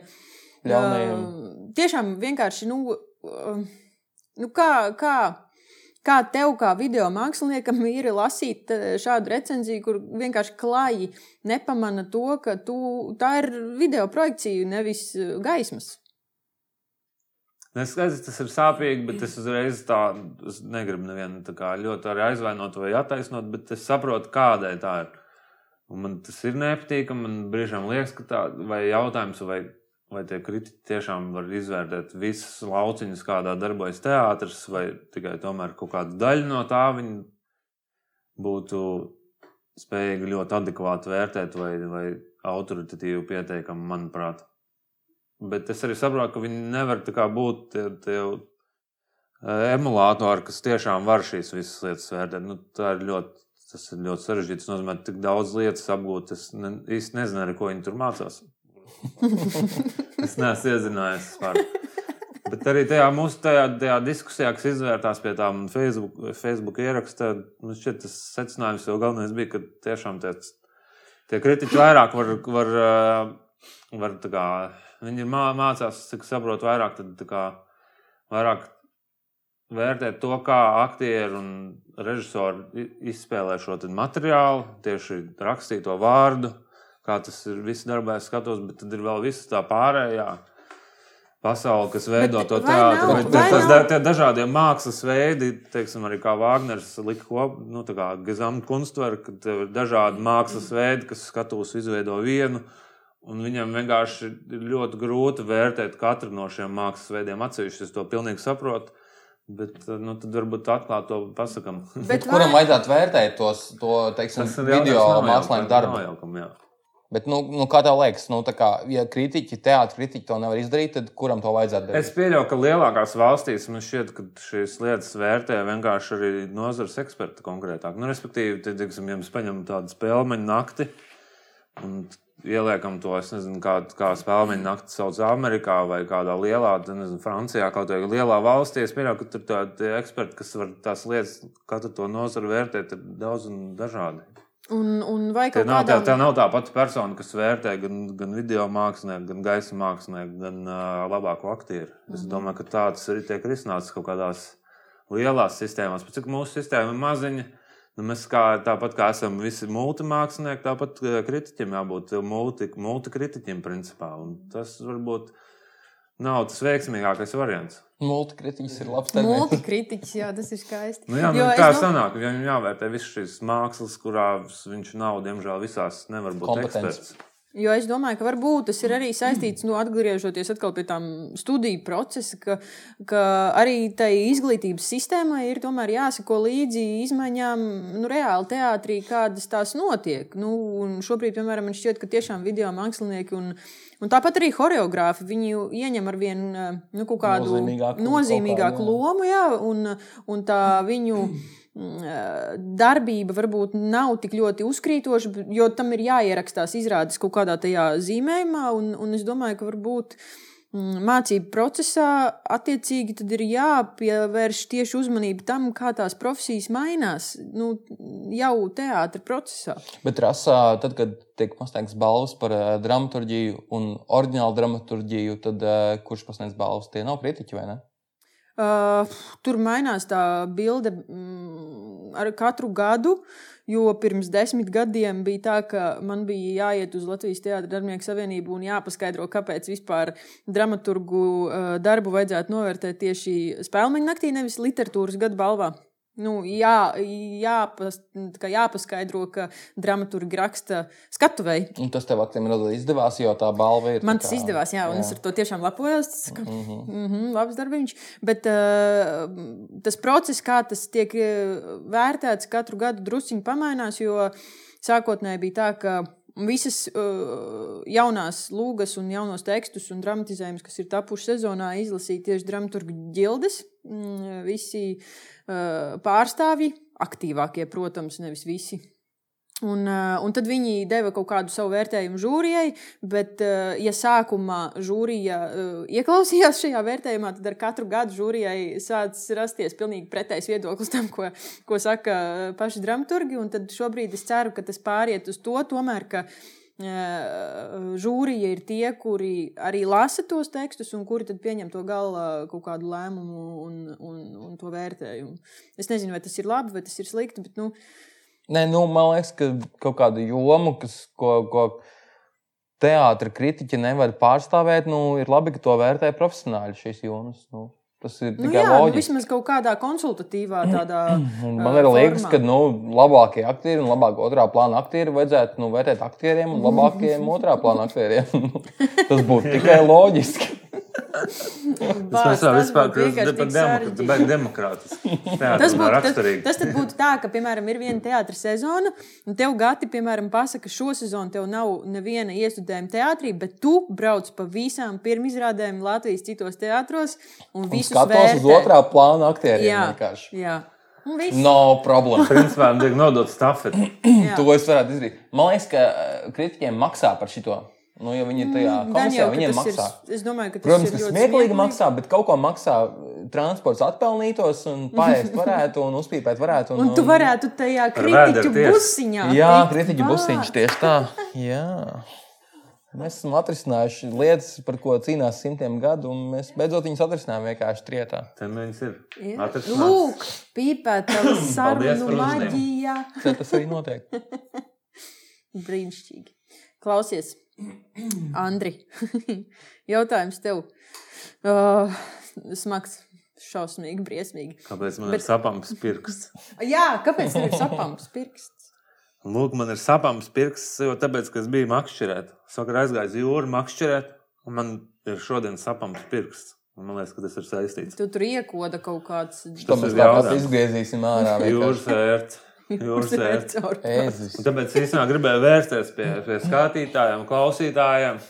Lūk, ir man sapampušais pirksts, un kā esmu novērojis, internetā šobrīd ir vairāk uh, medicīnas ekspertu nekā fiziskajā pasaulē. Tāpēc man vajag jūsu palīdzību. Lūdzu, komentējiet, kas ir noticis ar manu sapampušo pirkstu. Viņš ir sāp, sāpams, sāpīgs, ciets jau tāds paliek. Tā ir tūska, cik man Man liekas, ka zināms. tur tas velk uz asins noliešanu vienkārši kaut Uz kā. asins noliešanu. Jā. Tas ir 18. gadsimta atbildes uz Standarts. visām, visām problēmām. Tropinācija. Tev ir sūdīgi nolēma asins. Nē, man nu, tas jautājums. Pirmkārt, nu, tur ir kur tu tagad nu, video mākslinieks un visāds mākslinieks, un vēl arī uzņēmējs. Jā. Bet nu, kas ir tas, kur tu sevi vislabprātāk redzētu, tuvākā un tālākā nākotnē? Un kā tu sevi vairāk tomēr izjūti kaut kā, nu, kā, kā, nu, kā cilvēku, kurš grib darīt to, kas viņam patīk? Kas ir tas, kas tev visvairāk nu, patīk profesionālā ziņā? Ko tu gribi darīt? Tas ir labs jautājums. Eh, Man īstenībā patīk jau tas, ko es lielā mērā jau daru, to, kas man patīk. Tikai jautājums tagad ir izlasīt to grāmatu un saprast, kā adekvāti nopelnīt. Nu, tā nevarētu teikt. Nē, nu, bet tomēr tas Baigi ir vairāk teātris, vai vairāk video un uh, kino, vai, uh, vai rekur instalācijas. Jo tu esi darījis visu, tu esi tiešām. Nu, Man arī liekas, ka tas ir taisījis. tiešām multi-multi. Ne, nu, man ļoti tiešām arī patīk tā galerija māksla, bet es tur vispār nesapratu, kā nopelnīt ar to. Līdz ar to tad tas paliek tāds hobijs. Un tad teātris ir tā vieta, kuras kaut cik es iemācījos nopelnīt. Teātris un, un Nu, performance. labi, jā. tad pastāstiet, kā, tas- kā nopelnīt teātrī, kā, kā notiek sarunas ar teātriem direktoriem. Nu, parasti ļoti, ļoti kaut kādā ģenerāla mēģinājuma 15 minūšu pārtraukumā, kurā tev jāsamontē ir vidika. fiks, fiks, jāsamontē vidika, tad tiek izsaukts, izsaukts un tad notiek pārunas Bet, uh, milzīgā steigā mīts, par mēs, svarīgām mēs arī lietām. pēdējās sērijās te pa- pie, Man liekas, ka šo vajag ieviest kā, kā, kā tādu standarta rubriku katrā epizodē, ka mēs e, laužam vai Apstiprinam, ap- apstiprinam mītus. Mindbusters mēs esam. Jā, Kāds tad ir mīts? Mīts. Uh, runājot par honorāriem, vai tev ir bijušas situācijas, kad tev ir jāuzraksta aploksnē. Nē, ka tev ir jāuzraksta uh, savs vēlamais honorārs uz papīra. Vai tas notiek mutvārdos, vai tas ir tā, ka tu uzraksti un tad tā, nu, pastim to lapiņu. un Tad, nu, jo latviešiem ir grūti runāt. Man no nav tā. lapiņu pastupšanu nesaprotu. Kā, ko? Mums noklausās, kāpēc nevar pateikt man vienkārši honorāru? Tāpēc, ka kauns kaut kā bācis, kā es tik tā prasīšu, un kā es tā. Nu, es no tā izvairos, ka tādā veidā, ka es pasaku, ka es sarēķināšu tā un nosūtīšu e-pastu. Ah, šis ir labs. Bāc, man laikam tām nedara. Tas ir lietišķāk nedaudz, un tas tā kā, ok, viņš taisīs. Bet tev un- izsauc tajā ģenerāla Mm, tas mēģinājuma vidū, labs, un, nu, tā kā, hei, Andrija, ātri paraksti, vai te kaut ko. Nu, tas atkarīgs no teātrī. Bieži vien ir vienkāršāk, ja tas process ir skaidrāks. Tur grūti arī to tām kaut kā izstiept. Bet, uh, bet, nē, bet nopietni, tad, kad tā tām ir izstiepjama, kad tiešām ir bijis sarežģīts tas process, teiksim, un ar dažādu, vēl jāierē tehniku un dažādi, nu, kad to tiešām var izdarīt, iztaisīt tām, kas izskatās jēgpilni, tad, eh, tad tajā brīdī. Tad tajā brīdī tev jāvienojas uz vietas mutiski, jā, bez lapiņām. Parasti tas neesmu, laikam, šis lapiņu variants man nav. Kā nē. sanāk? Nu, Nu, tas ir jautājums, vienmēr, kā sanāk. Vienmēr, tad, kad tu tā kā novienojies beigā, tad tu liekas, blin, vajadzēja. Jā, pareizi, tā ir. Kaut ko es, kaut ko es nolažoju, kad es vēl nezināju, ka jālasa grāmatas, lai to izmainītu. Tad es vienkārši domāju, ka kaut ko es nolažoju. Tur tajā grāmatā ir rakstīts par to, ka mm, tad, kad tu ej runāt par algu, ir jāsaka, Uh, pirms tam runājot sarunā, ir jāpiemina kāds augstāks cipars. Nu, tā kā, nezinu, tur, piemēram, no šodien gan baigi karsts, plus 32 grādi. Un tas automātiski, nu, tā ir neirolingvistiskā programmēšana, un it kā viņi iedarbojās uz to otru cilvēku. viņš 32 sāk eiro nav nekas. nu, tas bija stulbs piemērs, bet nu, pēc Pēc- idejas. Viņam pēc Fahrenheit.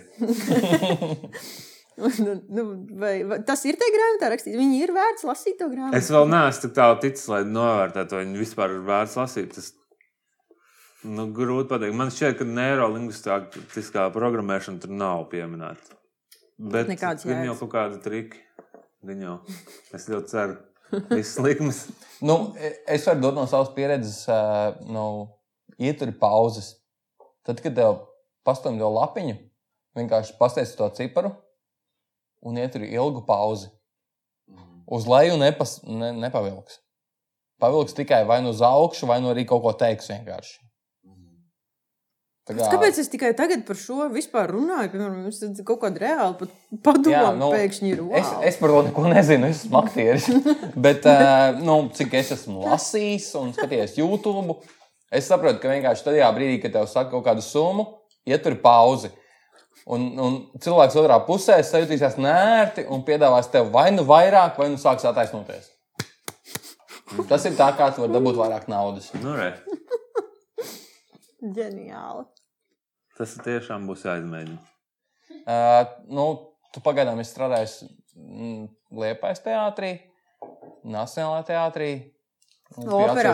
Un Nē, nacionālais īstenībā pat neesmu nekad strādājis. Nē, es jau, nu, bet Tu nu, esi tas pa- homo, varbūt. homo novusā, pareizi. Jā, Pastāstīja to. Tas bija mm, konkrēts pasūtījums festivālam, kā tas notika un, un, un kā tas ir. Un kas tas bija, ko tu darīji? Tā bija īstenībā man šķiet, vis, vismaz bija tajā studenta izstāde. tā bija. Mm. Tas bija saistīts ar Mākslas akadēmiju un Mākslas akadēmijas scenogrāfu nodaļu. Taisīja vienkārši izstādi. Es nezinu tieši kā tika izvēlēta šie mākslinieki, kur piedalījās, bet kaut kāda daļa no scenogrāfu studentiem veidoja savu izstādi, kur principā mums ielaida tajās vecajās telpās. Šīs katrā gadījumā. Tā zīme zem galda, ko neredz. Šis katrā gadījumā ir ļoti liels bonus mm, radošajām augstskolām. Tas neatiecas uz klaipēdu, tāpēc, ka jūs bijāt izolācijā un vienkārši. Nu, jums, man liekas, īstenībā šis pandēmijas laiks ir vispār pilnīgi ne, nejūtat nekādu atšķirību. Četrus gadus dzīvo nekurienē. Mm, bet uh, man šķiet, ka, ka radošās augstskolas ir uh, tiešām vērtīgas ar to, ka rekur tu tiec pie iespējas piedalīties festivālā Jā, jā. un, un kaut kur braukt un kaut kā sevi Uz mm, Prāgu aizbraucām, uz Prāgas kvadrinālu. kas bija- nu, Jā, tāds ir mērķis. Viens no mērķiem, protams, ir šajā mūsu Pagaid, pagaid, pagaid. Paga. fantastiskie pasniedzēji. Bet Prāgas kvadrinālē tā ir, nu, tā ir tā pati scenogrāfijas kvadrināla. Jā, Mhm. Bet tur taču bija uh, tas, tas, tas, tas uh, Dzilo. Tur katru gadu no jauna viss kaut kas notiek. Un arī studenti tur bija. Tur ir, jā, tur ir gan pieaugušo, gan st- Mm. studentu. Pieaugušo un, bērnu. Zilo, Jā. pieauguši. Jā. Profesionāli bērni, jā, mēs esam scenogrāfi. Kā tu sev vērtē tajā visā, nu, šajā video mākslinieku scenogrāfu scēnā? Tu sev vērtē kā pieaugušo vai kā vēl kā, kā tādu jaunu? Daudzsološo.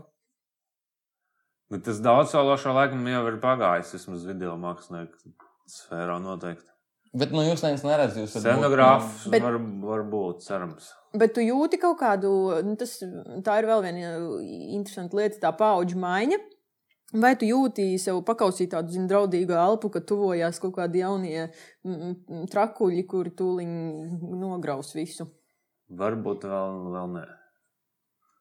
Un tu? Šķiet, ka nē. Es? Es viņus gaidu. Lai viņi pārņem manas lomas pie, es nezinu, es atvainojos pie Zemļānska. Lai viņi svīst, es, es esmu gatavs šajā nu, iestādēmā būt uh, otrais plāns.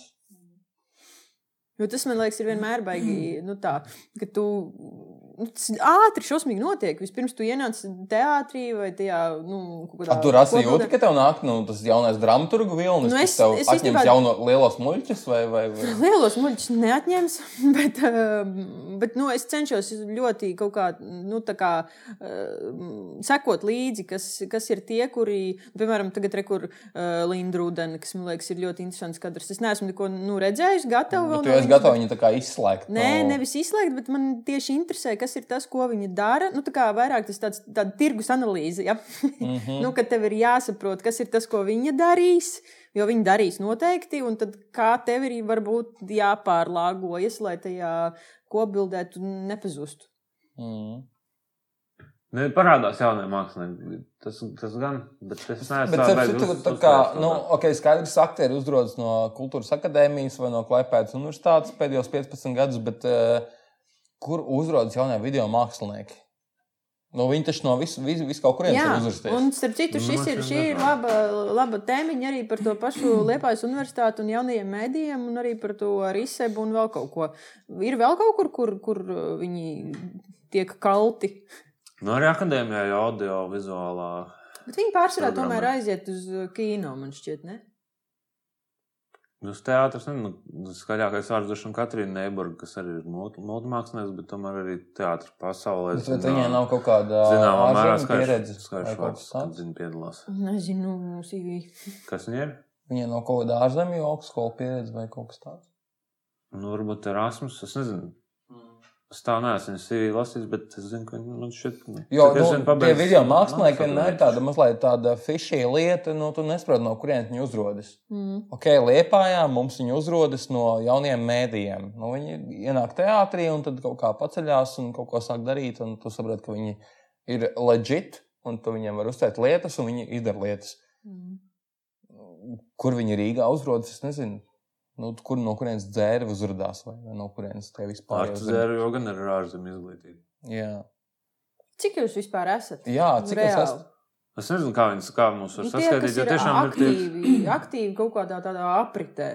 Nu, ma maz jau, tiešām man šķiet, ka, ka nav daudz.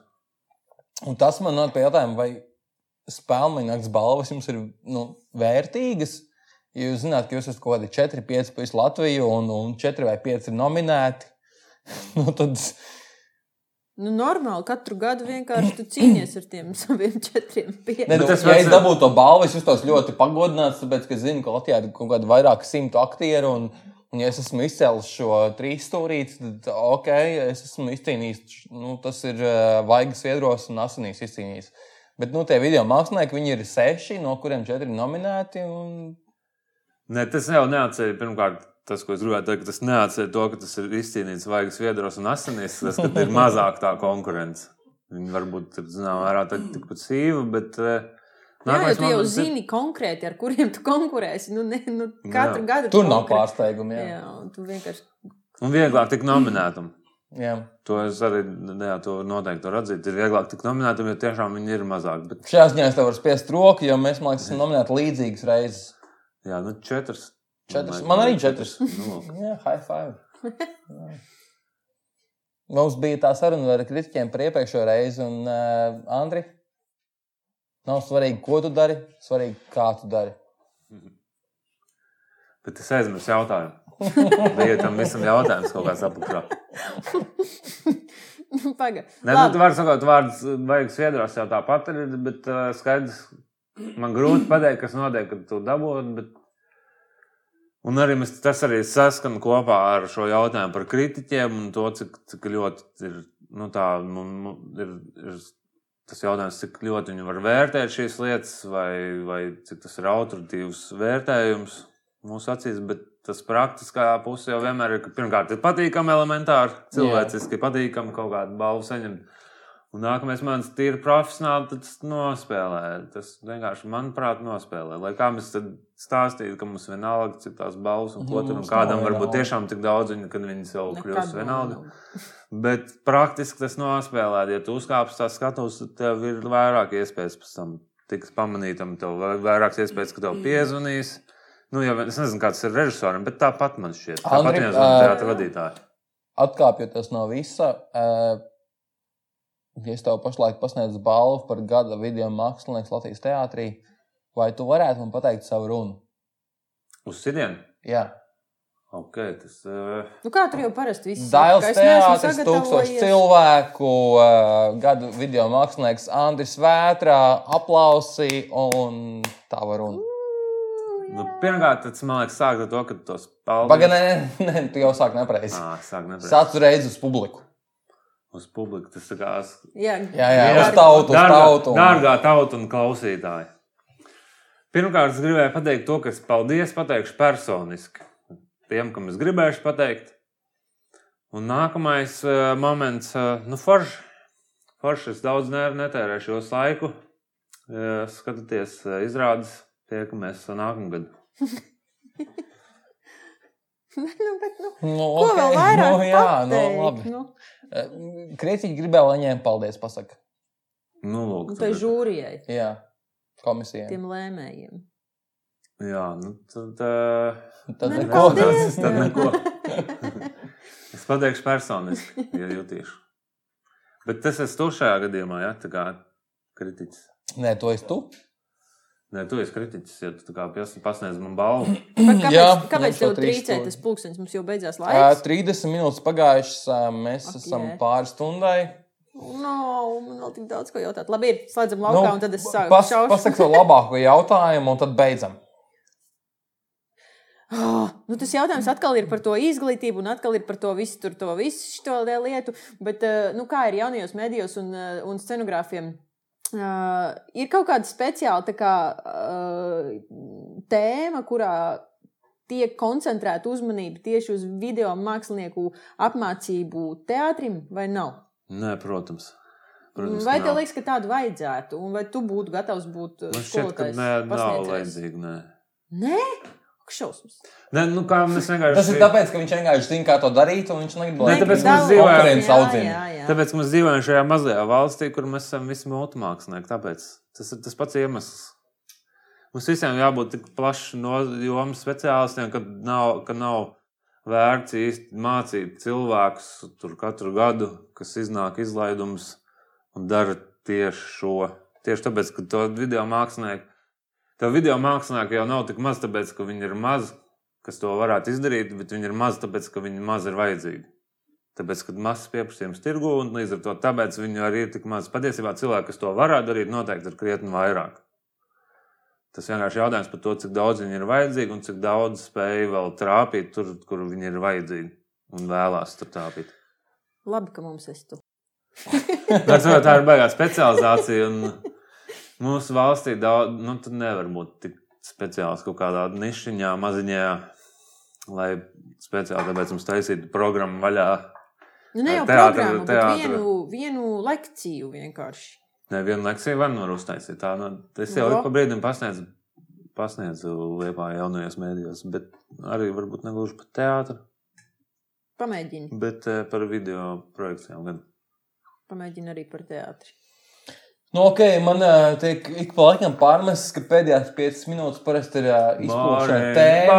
Jā, jā, jā. Un tāpēc vienkārši paldies, Čau, Rasbugovičūta, Garlaicīgi. pēc Andris Kas tā- Vētra, Mīns kas vispār- Astoņi. Man īstenībā viens jautājums, kas vispār šajā skatās? Visu cieņu. Paldies, un tiekamies atkal ā, droši vien jaunajā sezonā. Mēs ejam atvaļinājumā. Oh, yeah. Yeah. Uh, mēs atgriezīsimies jūlijā vidū, augustā. Sprauni un Sprauni un gatavi atkal jauniem Ah, šis, jautājumiem. šis, šis podkāsts ir tā atvaļinājuma arī. Jā. Jā, tieši tā, tieši tā, tieši tā. Atvaļinājums nav tad, kad maksā par to. Mums Par to maksās. Paldies! Ok. Visu labu!